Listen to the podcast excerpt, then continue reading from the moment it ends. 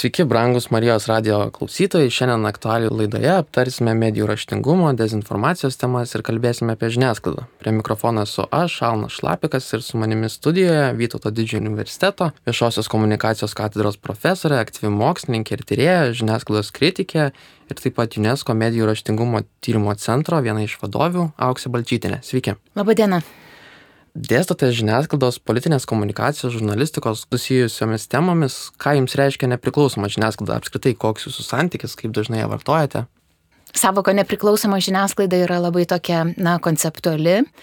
Mes vis tiek kalbėdami apie žiniasklaidą mes kalbame visų pirmiausia apie žiniasklaidos laisvę. Tai ypatingai yra svarbu, kad žurnalistas būtų laisvas, kad jaustųsi gerai, kad galėtų tyrinėti klausimus, kurie yra aktualūs visuomeniai, kurie aktualūs jos skaitytojams arba klausytojams, taipogi žiūrovams ir sekėjams, jeigu kalbėsime apie socialinius tinklus ir visas naujasias medijas. Tai, na, nepriklausomybė žmogus už, gali užsiugdyti viduje savo, savo vertybėmis, tačiau demokratijai kaip politiniai sistemai labai svarbu instituciškai užtikrinti ir garantuoti žiniasklaidos laisvę.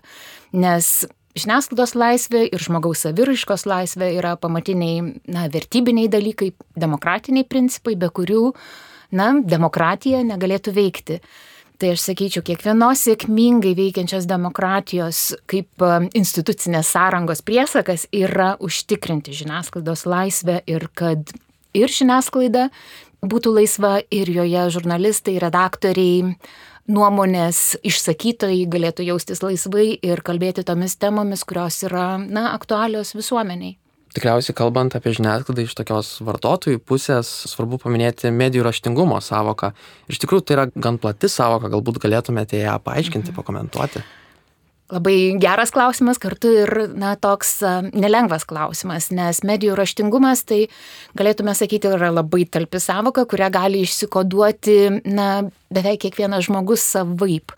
Nes medijų raštingumas ir pirmiausia, čia mes turėtume atkreipti dėmesį į du dėmenis, tai yra medijos ir raštingumas. Tai kuomet mes kalbame apie raštingumą, tai mes, na, mintyje turime, kad, na, žmogus turėtų imtis atsakomybės ir kritiškai suvokti pranešimus, kurie cirkuliuoja, kaip jau minėjau, šiais laikais ir socialiniuose tinkluose, ir socialinėse medijose, ir klasikinėje žiniasklaidoje. Tai raštingumo mes ugdomės nuo vaikystės, nuo labai ankstyvos vaikystės šeimoje, vėliau mokykloje ir įprasta kalbėti, kad, na, mokomės rašyti, vaikai mokosi jungti žodžius, pirmiausia, skiemenys į žodį, žodžius į sakinį, galiausiai mintis, tai yra raštingo žmogaus, na, patys pirmieji žingsniai. Mokėti išvelgti, suprasti, kad, na, gimsta labai stipri žinutė. Ir mintis yra perdodama, na, rašytiniu būdu arba piešiniais, vaizdu. Ir čia jau mes atrandame medijas, nes tai, kas yra užrašyta popieriaus lape, spaudos lakštuose, laikraštyje, kurio vis mažiau, na, 21-ame amžiuje mes, mes savo kasdienybėje sutinkame knygose, vėliau ir transliacijose, internete, taip pat ir televizijoje bei radijoje, ten jau yra medijos. Tai suprasti, kas yra medijos, čia jau tampa šiek tiek klampiau, nes medijos yra, na, labai talpi tokia labili savoka, nes vėlgi dabar skaitmeninėmis technologijomis mes galime išgauti pačias įvairiausias medijų rušis, matyti tekstą, matyti vaizdus, matyti uh, piktogramas, grafinius elementus, matyti judantį vaizdą, filmuotą ir taip toliau. Ir matome, kad na, technologiniai virsmai pirmiausiai įsigyvena medijose. Tai jeigu aš taip žvilgtelčiau šiek tiek atgalios, na, į ankstyvuosius 95-98 metus, sakyčiau, tuomet Lietuvoje komunikacijos mokslininkai išvertė iš anglų kalbos į lietuvių kalbą tokią knygą, kaip pažinti medijas. Maršalo Makluhano, kanadiečių mokslininko, teoretiko, medijų teoretiko, medijų aiškintojo, kad kurią knygą jis parašęs maždaug 1980 metais.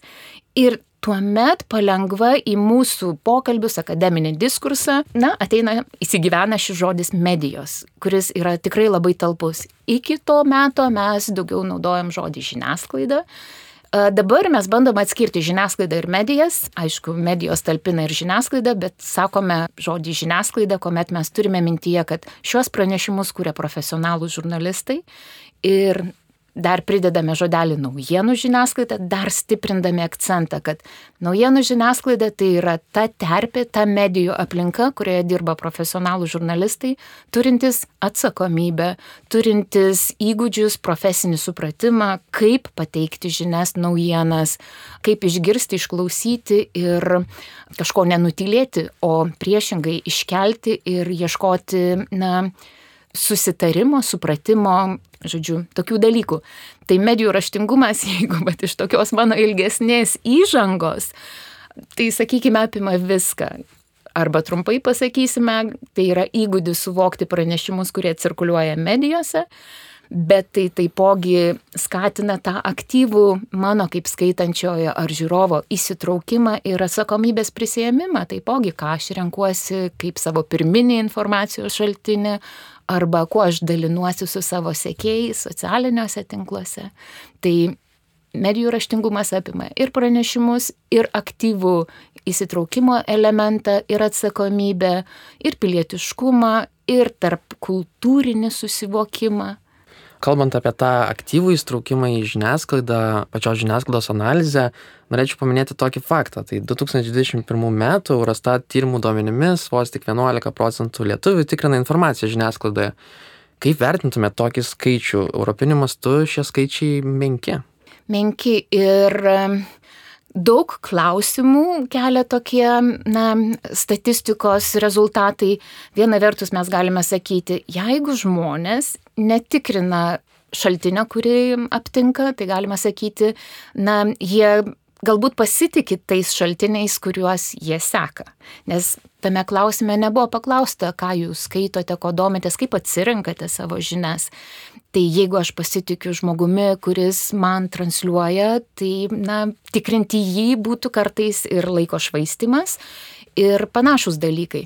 Bet be jokios abejonės vis tiek, kaip ten bebūtų, šis klausimas mus privertė sunerimti kaip tyrėjus ir, na, svarstyti, kad vis dėlto reikėtų būti aktyvesniems, nes tokios valstybės kaip Suomija, Airija, kurios iš ties europinėme kontekste yra labai gerai žinomas kaip valstybės, na, ilgus metus plėtojančios, daug investuojančios į medijų raštingumo ugdymą mokyklose, jų rodikliai yra nepalyginamai geresni, kitokie, ten jau ko gero keturi žmonės iš dešimties tuo metu tikrino savo na, informacinius šaltinius, tai rodo tokį na, aktyvesnį veiksmą. Tai, sakyčiau, medijų raštingumo ugdytojams Lietuvoje tikrai yra ką veikti. Yra svarbu kalbėtis su žmonėmis, kalbėtis apie jų informacijos naudojimo įpročius, patirtis, nusivylimą, nepasitenkinimą. Tai yra normalūs, įprasti, na, įprastos emocijos ir jausmai, apie kuriuos reikia kalbėtis. Ar pastebite pasikeitimus Lietuvoje šiais klausimais požiūrį į tą patį medijų raštingumą, tarkim, nuo 2021 metų? Minėjote Suomiją kaip puikų medijų raštingumo pavyzdį, tai galbūt kokias pamokas galėtume išmokti iš Suomijos ir galbūt jau kai kurias iš jų taikome? Žvelgdama tai bendriau į perspektyvą ir tokį paveikslą arba žemėlapį, vertindama Lietuvoje, sakyčiau, situacija yra tikrai labai gera. Matau didžiulį aktyvumą. Yra įvairių nevyriausybinio organizacijų, kurios organizuoja medijų raštingumo mokymus jaunimui, važinėja su apmokytais jaunaisiais žmonėmis į įvairias, na, gimnazijas ir pagrindinės mokyklas Lietuvoje, ne vien tik didžiosiuose miestuose, bet ir regionuose. Į medijų raštingumą įsitraukia regioninė žiniasklaida ir regioninių žurnalistai.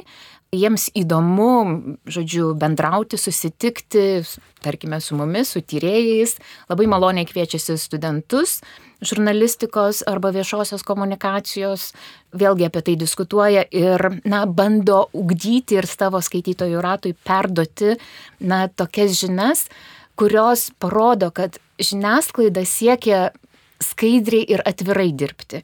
Nesakau, kad visur regionuose yra ideali ir tobula situacija, mes iš tyrimų matome, kad yra, na, įvairių, žinote, tokių politinės verslo įtakos dalykų, kurie nėra trumpalaikiai, jie yra ilgos tokios, na, istorijos tesiniai ir, ir mokslininkai, ir žurnalistai, profesionalai apie tai diskutuoja.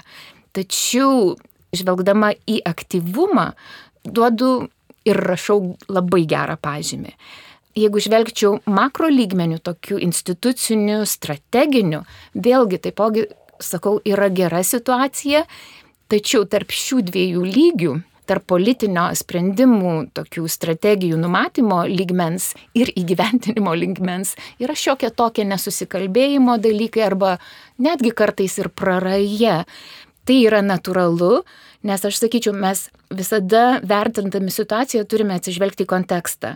Daug ir labai greitų įvykių įvyko pastaruoju metu ir turiu minti, pirmiausia, galbūt COVID, o dar prieš COVID ir e, Rusijos agresiją 2014 metais, į Ukrainą, kada dezinformacijos pliūpsniai prasiveržė į socialinius tinklus ir viešąją erdvę, tada buvo COVID ir, ir įvairios na, susipriešinimo tendencijos, dabar geopolitiniai virsmai, ne tik pačiame mūsų artimiausiame regione, bet na, susipriešinimas globaliai pasaulyje. Tai visa tai skatina mus skubėti.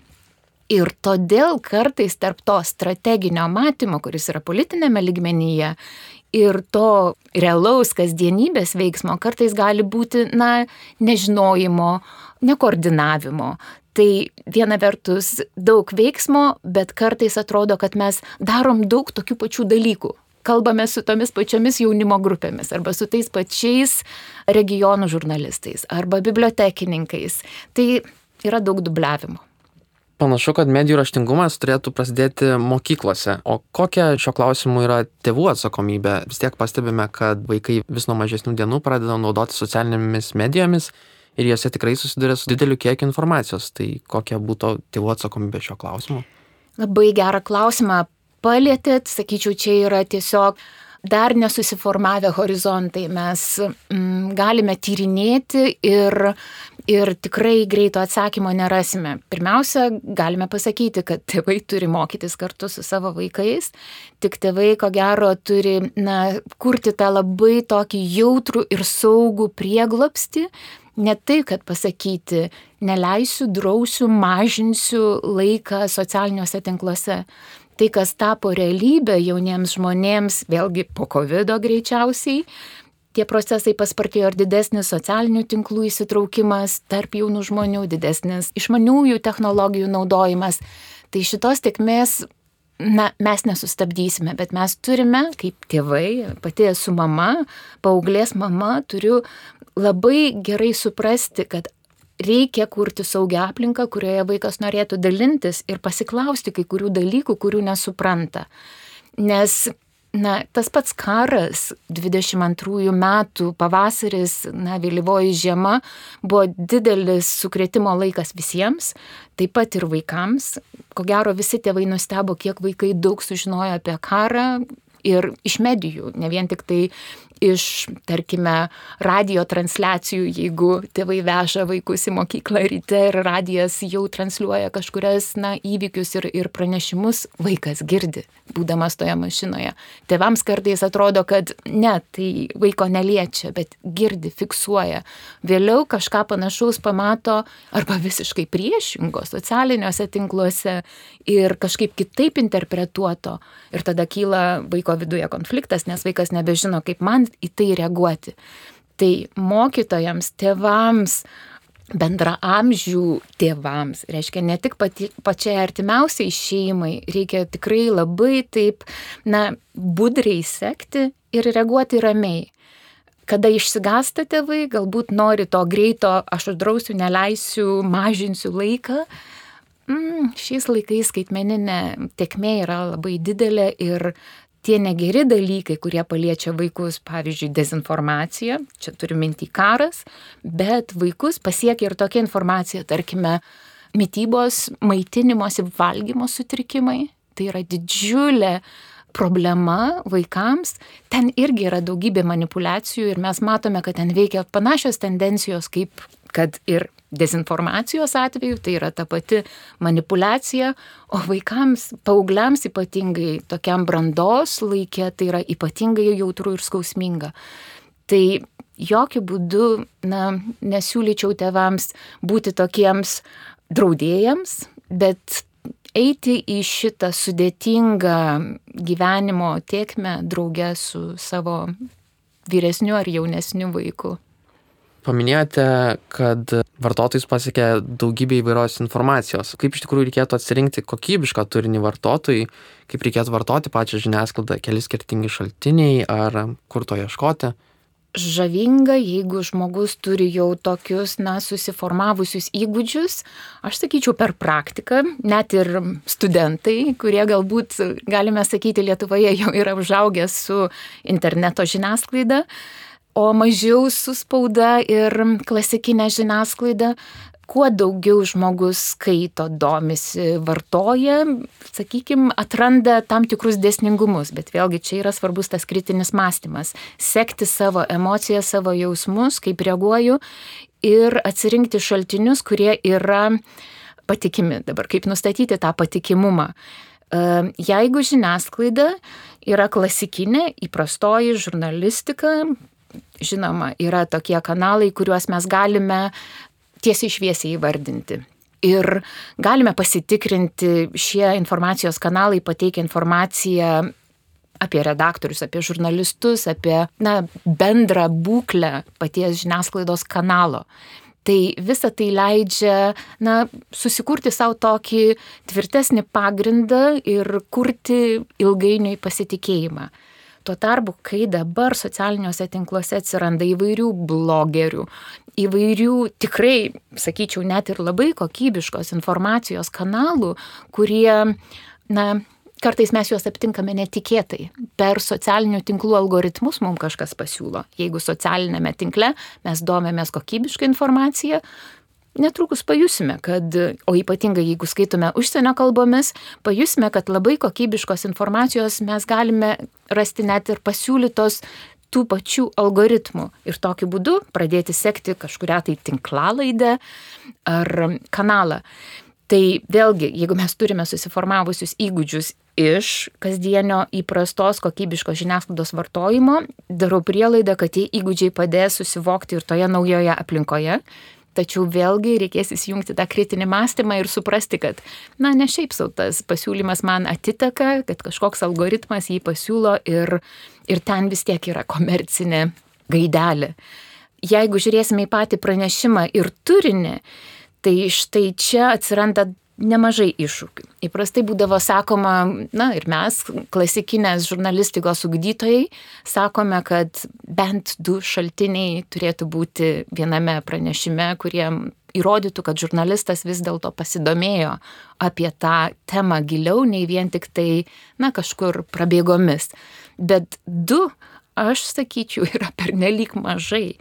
Vis tiek, kad sukurtume tokią įvairią viešosios erdvės imitaciją, na, tokį vaizdinį savo pasakojime mes turime remtis nepalyginamai daugiau šaltinių, tikrinti, rodyti.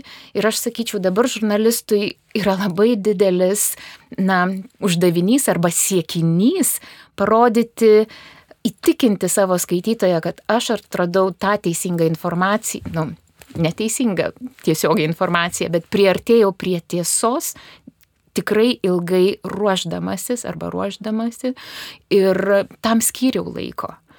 Žodžiu, aš sakyčiau, atsiranda nauji kokybės kriterijai.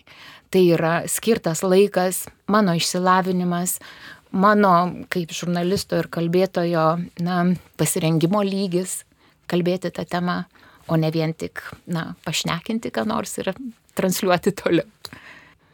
Liekant e, ties pasitikėjimo žiniasklaida temos, tikriausiai pagrindiniai aspektai šiuo atveju yra žiniasklaidos atsakomybė ir profesionalumas, leminčių pasitikėjimą žiniasklaidą. Kiek iš tikrųjų to yra Lietuvoje?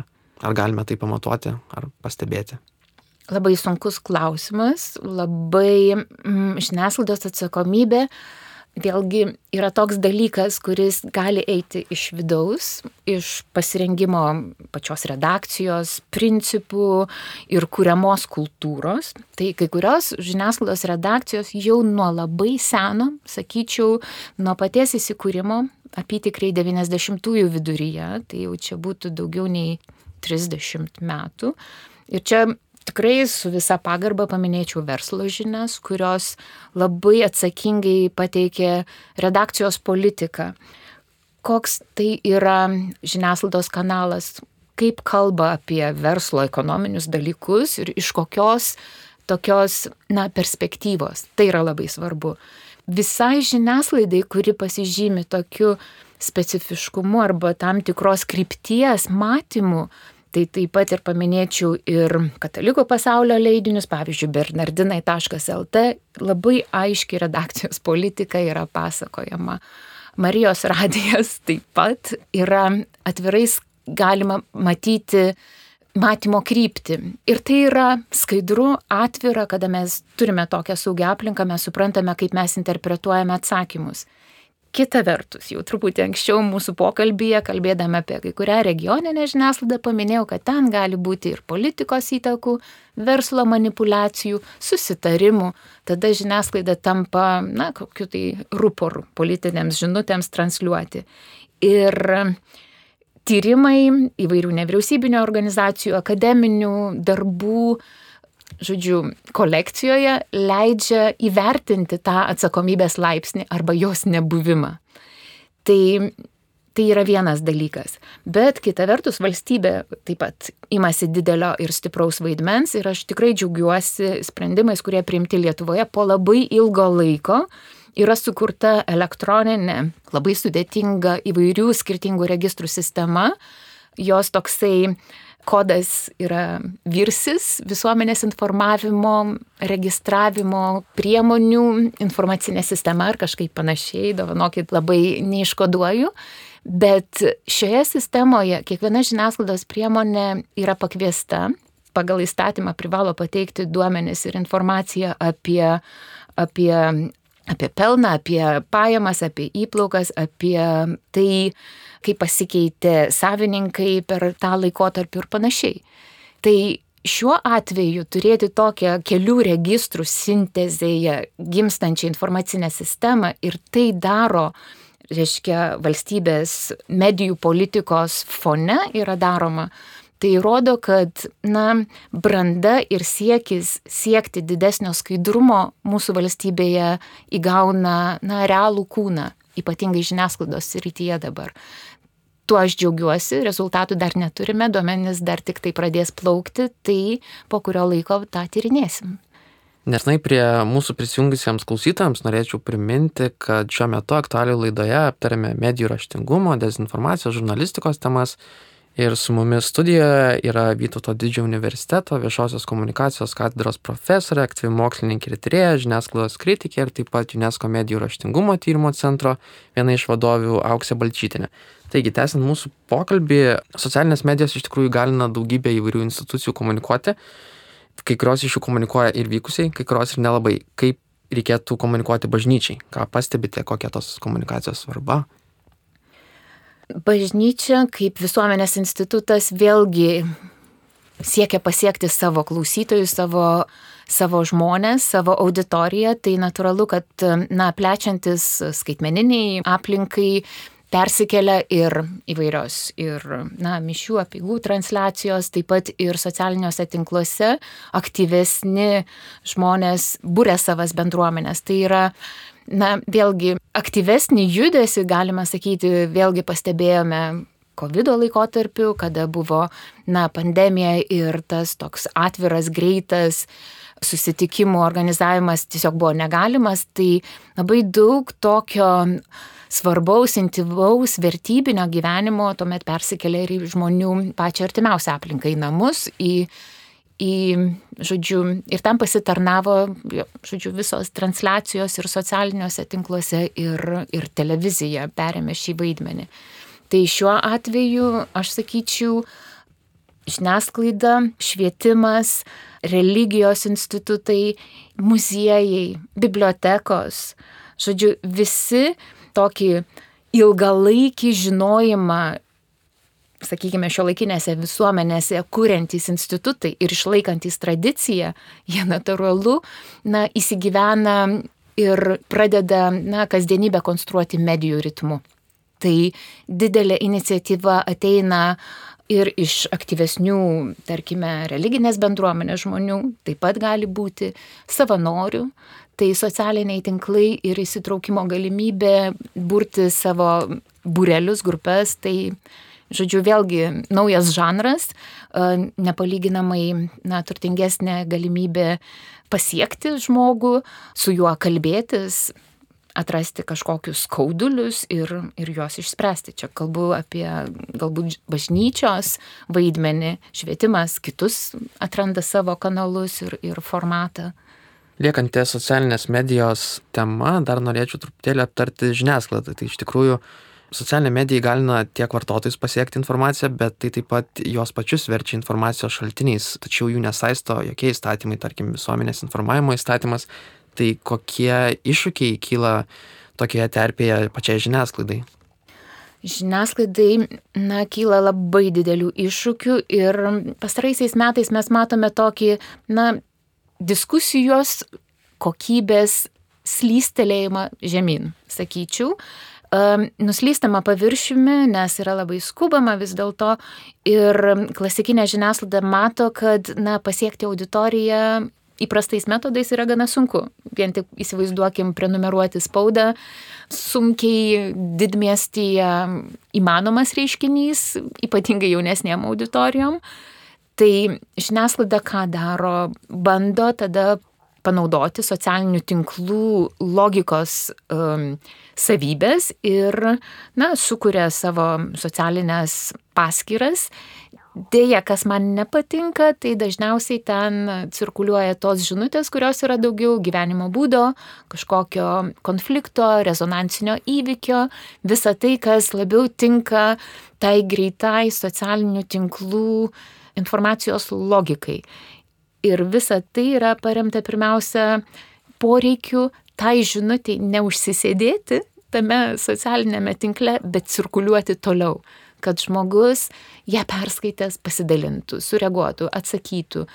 Ir kada socialinių tinklų logika yra daugiau priversti kiekvieną iš mūsų kaip skaitytojų būti aktyviu tuo pranešimo siuntėjų, tai ir tas greitis tampa pagrindiniu rodikliu, o ne tiek paties pranešimo kokybė ar net ir pats turinys, nes skubėdami greitai skaityti, kabinamės už dalykų, kurie tikrai nebūna, ko gero, net ir patys pagrindiniai, o turintis kažkokį emocinį kabliuką.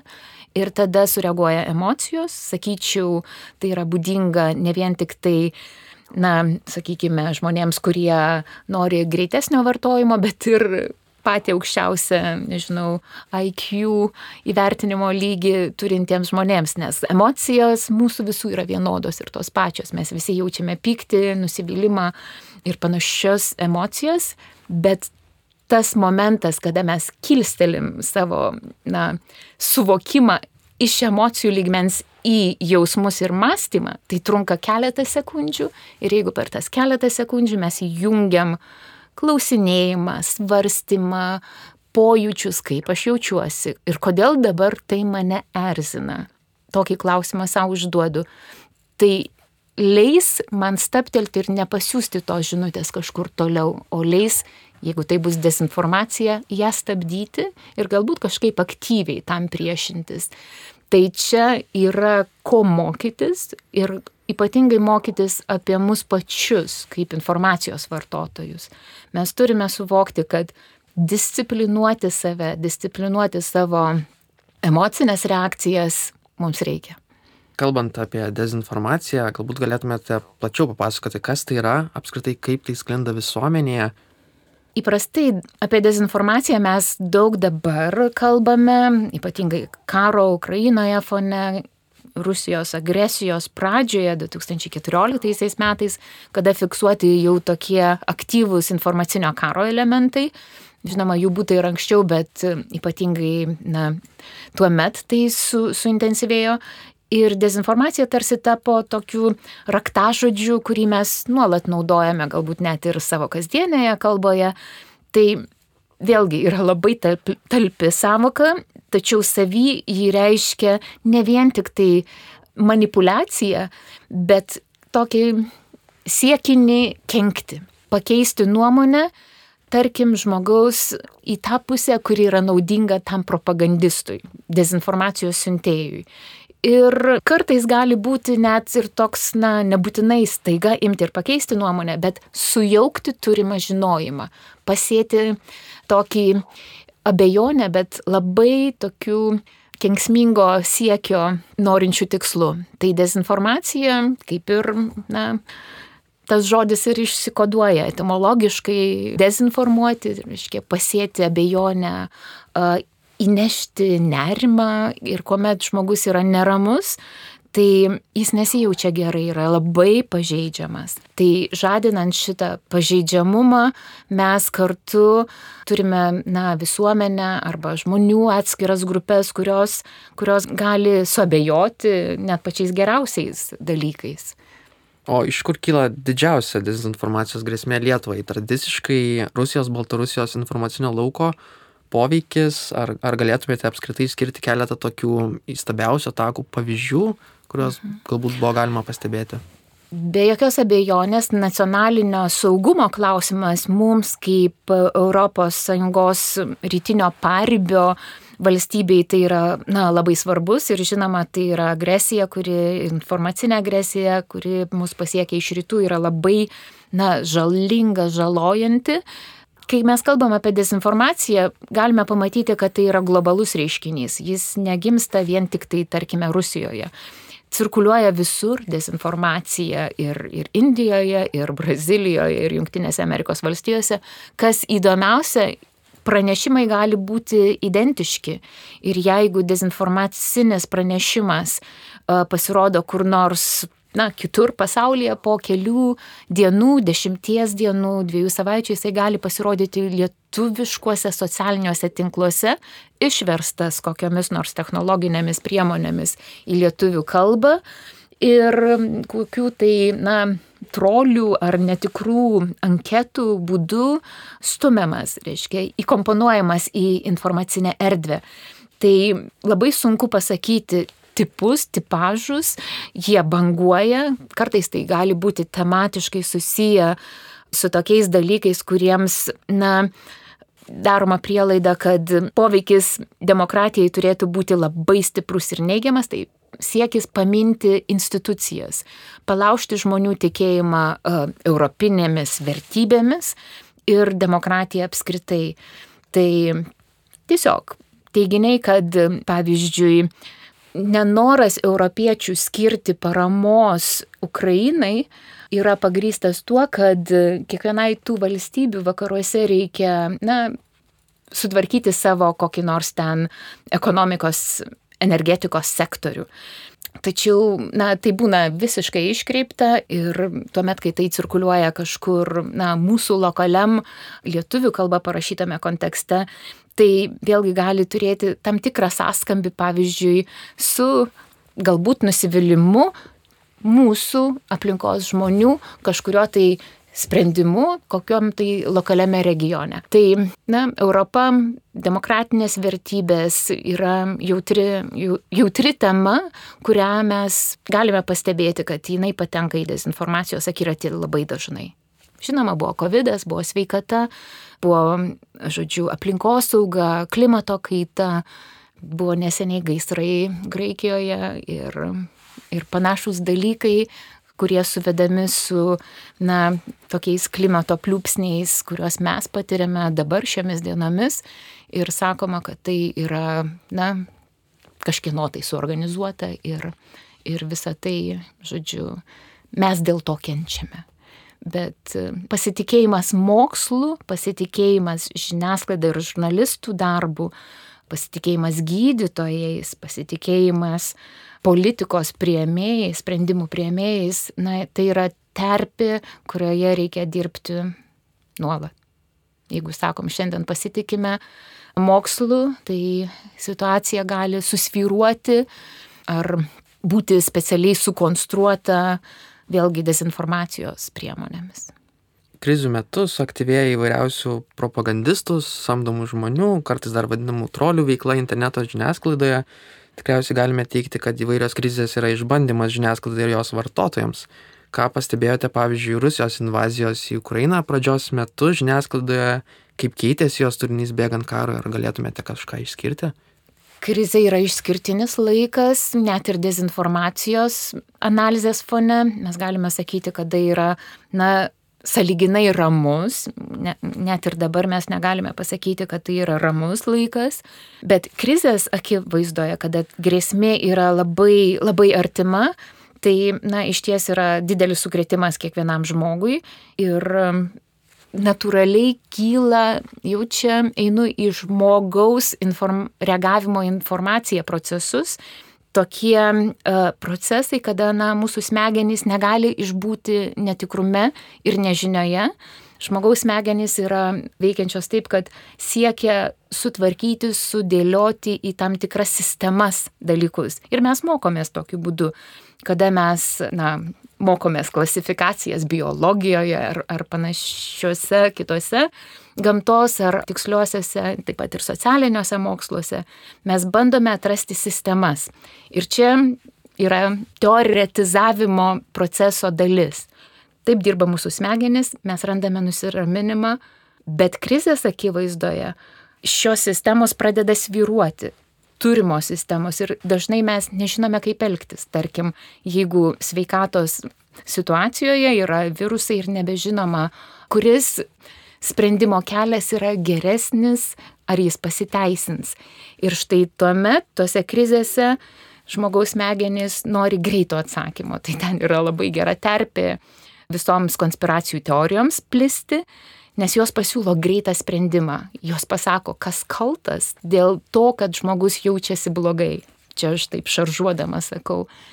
Ir žurnalistams yra ypatingai didelis uždavinys, jie tada tampa priešakinėse linijose, nes visa tai, jeigu jie pabando kažkaip giliau analizuoti, pateikti ir kažkuriam žmonių grupėms ta informacija nepatinka, tai žinoma nepatinka dezinformatoriams, tai jie na, nukreipia labai stiprų nepykantos pliūpsnį prieš žurnalistą. Ir žurnalistai na, patiria išpolius, ypatingai moterys žurnalistės. Ir ne tik tai kokį nors priekabiavimą, nepykantos išraiškas, visą tai galima na, bandyti suvaldyti, kreipiantis į teisėsaugą ir panašius dalykus, bet būna daug grubesnių dalykų, kuriuos teisiškai užčiuopti yra labai sunku. Tai štai žiniasklaidai, na, tenka labai didelis vaidmuo. Aš sakyčiau, kažkada šiandien mūsų pokalbio metu jūs užsiminėte apie tai, kad, na, nebūtinai žurnalistai yra komunikatoriai šio laikinėse informacijos erdvėse, gali būti ir politikai, ir verslininkai, ir studentai, dailininkai ir, ir panašiai, paties įvairiausio profesinio užsiemimo žmonės bet ne visi jie turi tą žurnalistinį pasirengimą ir supratimą, kas yra etika ir atsakomybė. Tai moksliniuose darbuose ir tyrimuose mes dabar draugė su užsienio tyrėjais ieškome sprendimų, kaip nustatyti, atrasti, sugalvoti tam tikras etiškos skaitmeninės komunikacijos gairias, kurios leistų mokytis ir siekti idealistiniu atveju dialogo ar bent jau priartėti prie dialogo. Nes tai, kas plūsta šio laikinėje socialinių tinklų terpėje, nepasitenkinimas, nu, žodžiu, visokie pykčiai, paprasčiausios banalybės, patyčios, net ir atrodytų išsilavinusių žmonių ratuose, tai yra labai nemalonu ir, ir tai, na, norisi tada išeiti iš tokių erdvių. Bet vėlgi sugrįšiu prie to paties išeiti. Na, sunku išeiti, nes, nes tai jau tiek yra giliai mūsų gyvenime, kad, manyčiau, geresnis kelias yra ieškoti atsakingos etiškos komunikacijos gairių. To kreiptis ir į žurnalistus, pasiklausti, kaip jie dirba, kitas profesijas, taip pat teisininkus, nes ten yra mediacijos praktikos taikomos, kur, kur yra susiformavę etikos kodeksai ir panašiai. Mūsų pokalbio laikas senka į pabaigą, galbūt galėtumėte rezimuoti. Medijų raštingumas, ypatingai šių dienų tiek geopolitinėme, tiek technologinėme kontekste, kodėl tai tampa vis svarbesnė tema ir to nedėlėtų pamiršti. Medijų raštingumas yra, sakyčiau, kelias į tokį geresnį, geresnę savijautą, geresnį informacinį gyvenimą. Ir jau kelis kart minėjau, kad na, patiriame blogus jausmus, jaučiame stresą, nežinome, kaip reaguoti arba kažko nepasitikime. Tai ugdytis ir uh, suprasti šio laikinę medijų aplinką būtų galima būtent medijų raštingumo pagalba. Taigi, šiandien aktualių laidoje aptarėme medijų raštingumo, dezinformacijos ir žiniasklaidos temas. Prie mikrofono buvau aš, Alnas Šlapikas ir su manimi studijoje Vytauto didžiojo universiteto viešosios komunikacijos katedros profesorė, aktyvi mokslininkė ir trėja, žiniasklaidos kritikė ir taip pat UNESCO medijų raštingumo tyrimo centro viena iš vadovių, Auksė Balčytinė. Ačiū Jums už pokalbį. Ačiū Jums. Likite su Marijos radijumi.